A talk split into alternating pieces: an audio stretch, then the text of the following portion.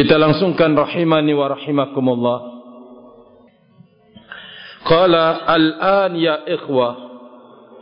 Haula al-thawriyun qamat lahum dual an tariqil inqilabat. Wa an tariqil intikhabat. Wa an tariq kadha wa kadha madha sana'u? ماذا حققوا من الشعارات شعارات هذه؟ من أبعد الناس عن تطبيق الشريعة الإسلامية بل يزيدون على الحكام الآخرين المنحرفين بعقد مؤتمرات وحدة الأديان وتشييد الكنائس وتقريب النصارى أخذنا هذا ها sekarang idan la nathiku fi haula. Haula'i hammuhumul wusula ilal karasi bi ayyi halin minal ahwal. Kata beliau kalau demikian kita enggak percaya kepada mereka-mereka itu. Teriak daulah islamiyah teriak Islam Islam syariat Islam hukum Islam kita tidak percaya barakallahu fi bagaimana akan percaya bahwa langkah dan jalan mereka itu abadun nas. Orang yang paling jauh dalam menerapkan syariat Islam ya ikhwan. Paling jauh barakallahu fikum. Antum melihat belum saja berdiri daulah al-Islamiyah pembunuhan yang dilakukan. Ya. Apabila barakallahu fikum mereka ingin melakukan apa istilahnya itu ikhwan? Membunuh itu apa? Hah? eksekusi ya ikhwan. Salah satu yang dibahas oleh para ulama kemirip kemiripan kaum khawarid di dalam mengeksekusi dengan kaum nasara. Ya kemiripannya barakallahu fikum dari sisi al-libas. Orang-orang Nasara kalau ingin mengeksekusi mereka menggunakan pakaian-pakaian yang berwarna uh, apa ya, kawan? Bertukal oranye ya. Menggunakan pakaian oranye. Kaum khawarid mirip ketika ingin mengeksekusi. Ya, mereka menghususkan pakaiannya barakallahu fikum. Lalu kemudian dieksekusi apakah dengan cara diledakkan atau dengan cara barakallahu fikum disembeli kemiripannya sama melalui bab ini barakallahu fikum. Yang kedua antum bisa menyaksikan ya ikhwan orang yang dieksekusi mengatakan ana muslim asyhadu an la ilaha illallah.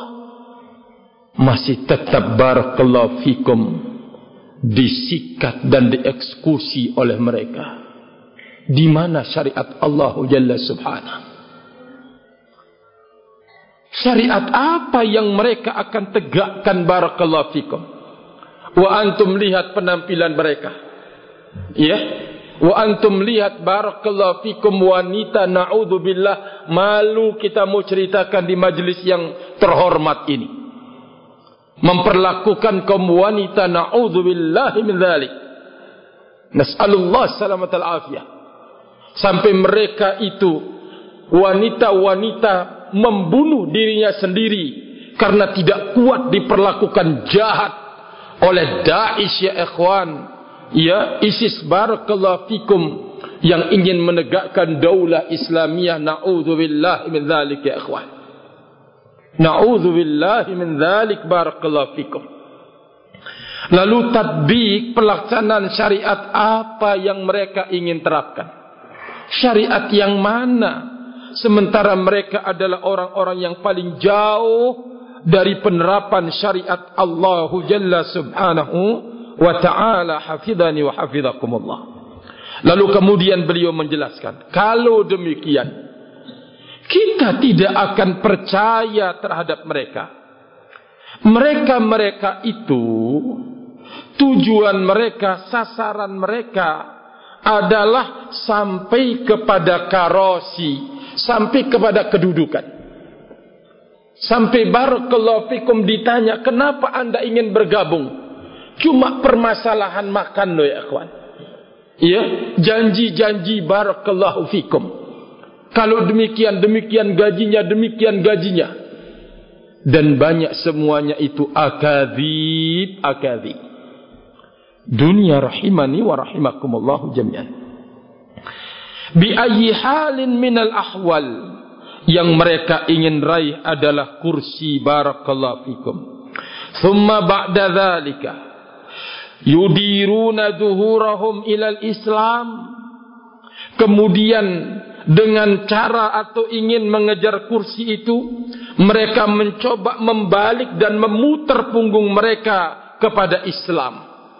Artinya membahasakan bahasa Islam jihad-jihad padahal mereka membunuh barakallahu fiik seperti yang disebutkan oleh Nabi alaihi salatu wassalam yaqtuluna ahlal islam wa yad'una ahlal authan mereka membunuh orang-orang Islam kata Nabi alaihi salatu wassalam dari wahyu Allah azza wajalla yang punya pemahaman demikian. Nabi menyebutkan mereka membunuh orang-orang Islam dan membiarkan para penyembah berhala untuk kemudian membenarkan perbuatan membunuh orang-orang Islam mereka angkat nama jihad jihad. Pembunuhan yang brutal itu mereka namakan jihad barakallahu fikum. Semuanya ini adalah untuk memanipulasi, menipu dengan memakai syariat-syariat agama yang gampang orang tertarik dan semangat untuk melaksanakannya. Jihad, syariat Allah, tegaknya daulah Islamiyah, hukum Allah atau syariat Allah Jalla wa'ala, bahasa-bahasa agama, padahal sesungguhnya Bukan itu barakallahu fikum. Loh, mereka enggak mengejar kursi. Siapa yang bilang? Lahirnya kaum khawarij ini disebabkan karena harta benda barakallahu. Di saat Nabi wassalam ingin membagikan harta pampasan perang, tentu mereka tidak dapat. Karena ini keputusan ilahi untuk menjinakkan hati-hati tokoh-tokoh kafir Quraisy karena pembagian ini mereka mental menuding Nabi kita alaihi salatu wassalam tidak barakallahu fikum berbuat adil. Kata al-hafidh ibnu kathir rahimahullahu ta'ala penyebab keluarnya kaum khawarid itu adalah persoalan dunia barakallahu fikum. Permasalahan dunia rahimani wa rahimakumullahu jami'an. Jadi beliau mengingatkan mereka ingin meraih kursi kedudukan karena banyak umat Islam dia balik dan putar haluannya dengan mengatasnamakan agama Allah Jalla Subhanahu. Kama jarrabtum wa araftum. Sebagaimana kalian alami dan kalian ketahui. Mari kita lihat. Kalau mereka konsekuen, barakallahu fikum, menghukumi bahwa negara Indonesia ini adalah negara kafir, saya tanya kepada antum, banyak gak dari mereka yang masih getol menjadi pegawai? Pegawai pemerintah banyak apa tidak? Lah ya sangat banyak barakallahu fikum. Kalau mereka konsekuen, ini adalah hukum kafir. Kenapa anda itu mau tinggal di negeri ini pertama? Kemudian barakallahu fikum kalian mau masuk dalam aturan-aturan negeri ini rahimani wa rahimakumullah. Cari negeri yang kalian anggap adalah negara Islam. Anda pindah ke Arab Saudi. Satu-satunya negara yang menegakkan hukum agama anda mau membunuh siap-siap saja untuk dipenggal batang lehernya. Ditegakkan hukum kisah. Anda mau lari ke mana? Lalu negara mana sekarang yang anda anggap itu adalah negara Islam? Kalian tidak mengaku Indonesia ini negara Islam. Karena negara Islam itu dilihat dari dua sisi. Pertama, undang-undang yang berlaku. Kedua, penduduknya yang mayoritas padanya barakallahu fi. Ya, rahimani wa rahimakumullahu jami'an. Maka oleh karena itu ya ikhwan, kalau mereka benar-benar konsekuen dengan pemahaman mereka, mereka tidak mau namanya duduk menjadi barakallahu fikum guru ini guru itu tidak mau duduk menjadi barakallahu fikum ya menjadi pegawai ini pegawai itu kalau mereka benar-benar memegang prinsip pemikiran mereka barakallahu fikum. Huna wa hunaka fi buldanin kathira. Thumma ahyanan ya'tuna bin kilabin bismil islam.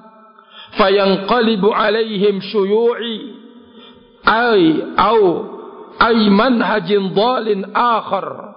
Idan al hikmatu beliau mengatakan di banyak negeri dan negara mereka mencoba untuk melakukan kudeta barakallahu fikum terhadap pemerintah yang sah Terkadang mereka bergabung dengan kaum komunis untuk menumbangkan pemimpin yang sudah ada.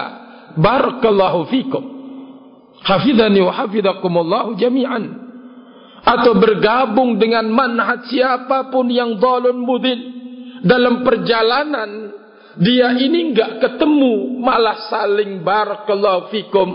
Fonis kafir mengkafirkan tapi ketika ingin menggulingkan barakallahu fikum, mereka bisa menjadi bersatu rahimani wa rahimakumullah. Lalu apa yang akan didapatkan? Ya. Setelah barakallahu fikum menang Afghanistan dari penjajahan kaum komunis ya ikhwan Uni Soviet. Apa yang terjadi? Amankah negeri itu dari balak yang lebih besar lagi? Perang saudara yang tidak ada henti-hentinya barakallahu fikum. Subhanallah ya akhwan. Lalu negara jenis Islam yang mana yang mereka ingin tegakkan?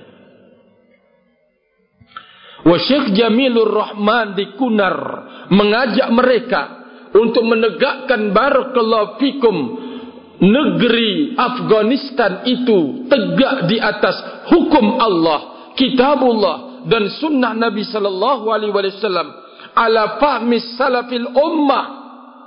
Negeri Kunar daerah Kunar menjadi daerah berdarah barakallahu fikum. Yang dikenang oleh ulama-ulama sunnah Syekh Jamilur Rahman rahimani wa rahimakumullah menjadi sasaran moncong senjata mereka yang tadi berteriak-teriak negara Islam, negara Islam, negara Islam. Wallahi ya ikhwan barakallahu fi. Beliau mengingatkan kita jangan percaya dengan mereka. Idan kalau demikian, al hikmatu fi tawjihati hadha syari'ul hakimir rahimir raufis syuja'il batal walladhi yurabbil ummata ala syaja'ati lakin fi hadha al-babi yakulu lahum isbiru mahma ra'aitum illal kufur. Dengarkan. Kalau demikian di sinilah hikmah bimbingan nabi kita alai bimbingan barakallahu fikum asyari pembikin syariat yang hakim Allah yang maha bijaksana yang rahim yang maha penyayang ar-rauf yang maha sama penyayang. Hikmahnya adalah barakallahu fikum. Mendidik seseorang menjadi pemberani syariat ini. Hikmah mendidik menjadi seorang syuja pemberani batal pahlawan dan mendidik umat ini di atas keberanian barakallahu fikum Nabi kita Muhammad sallallahu alaihi wasallam ya dengan syariat ini benar-benar mendidik umat ini menjadi orang yang syuja. Coba antum lihat ya ikhwan. Orang yang tidak gembar-gembor jihad, jihad, jihad. Antum perhatikan ya ikhwan barakallahu fi. Ya.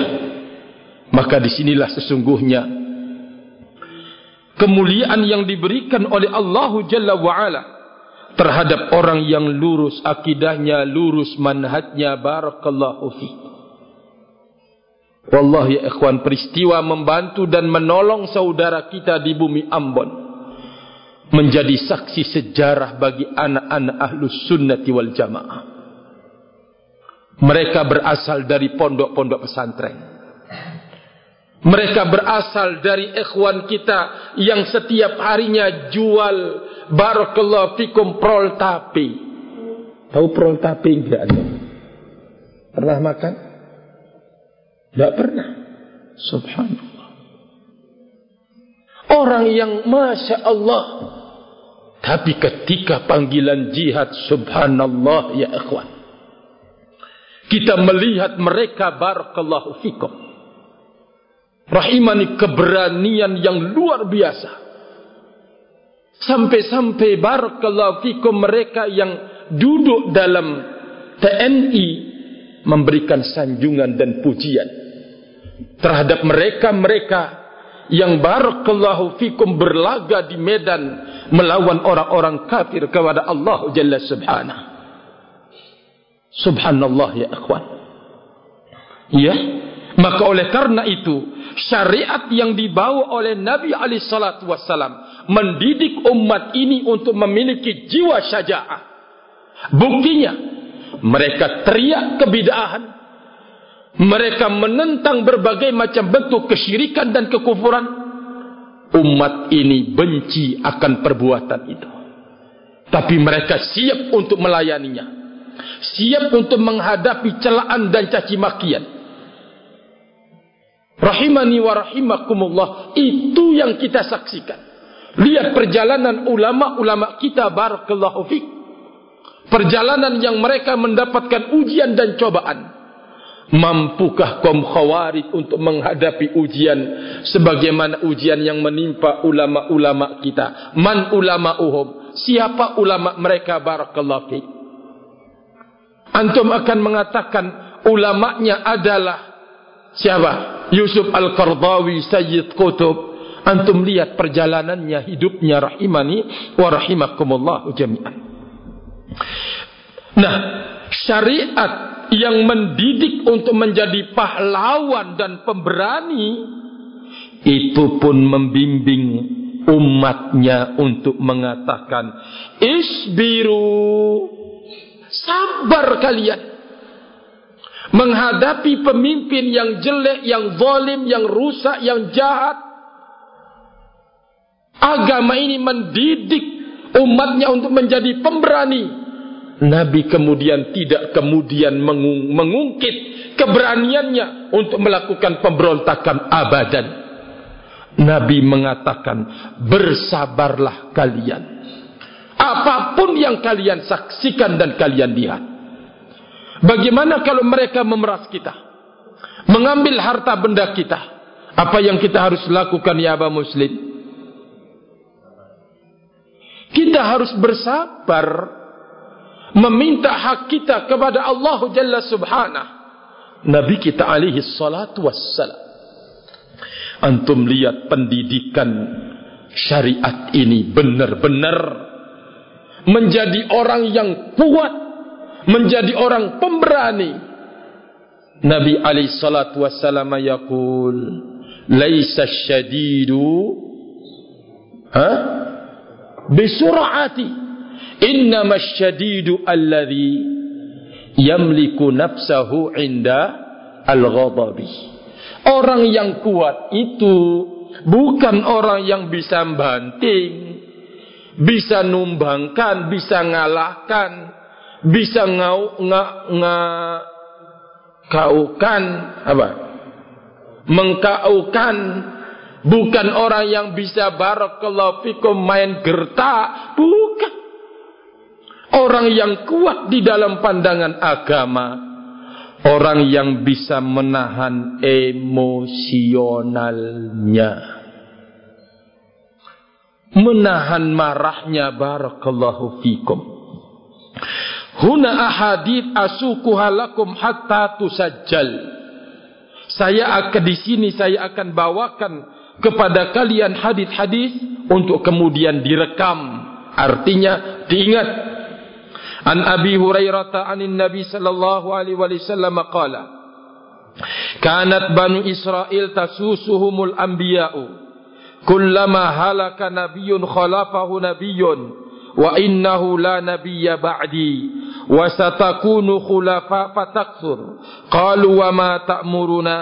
Qala fu bi bai'atil awwal fal awwal wa'tuhum haqqahum fa inna allaha sa'iluhum amma star'ahum.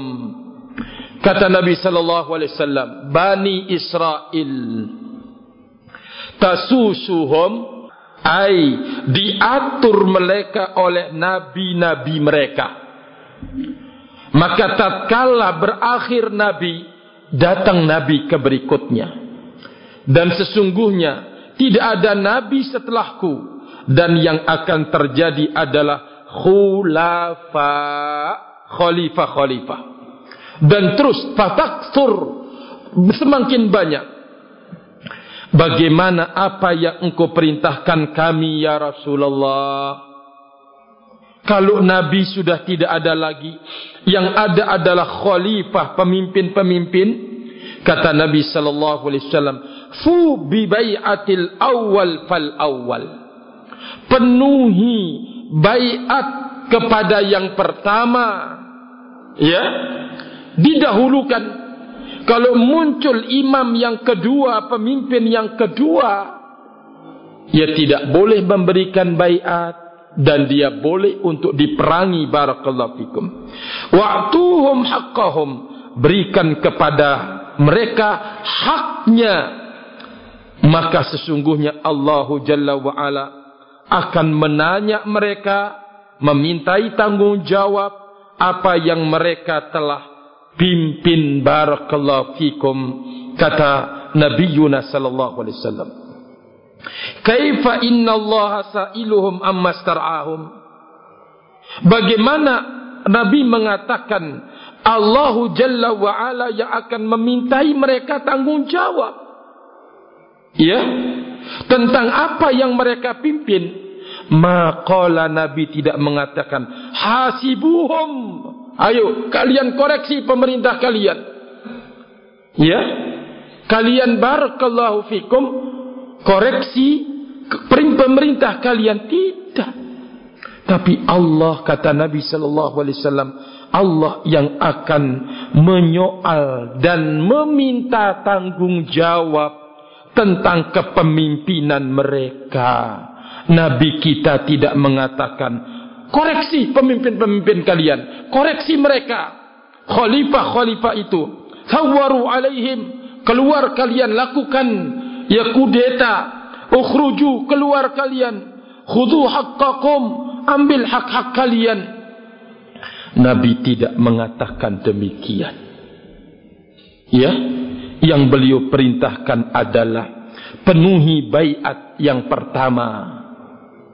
Yang pertama dan berikan kepada mereka hak mereka.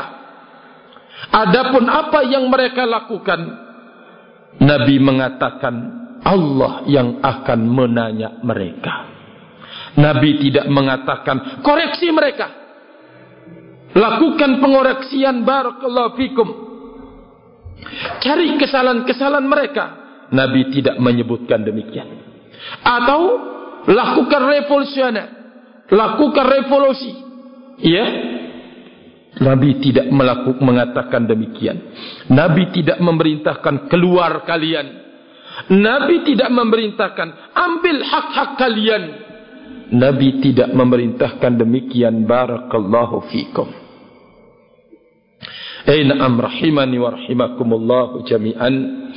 Ini beberapa hadis yang beliau bawakan dan beliau ingin mengingatkan kembali tentang bagaimanakah sesungguhnya bimbingan syaja'ah keberanian yang dilakukan barakallahu fikum oleh syariat ini Nabi kita alaihi salatu wassalam.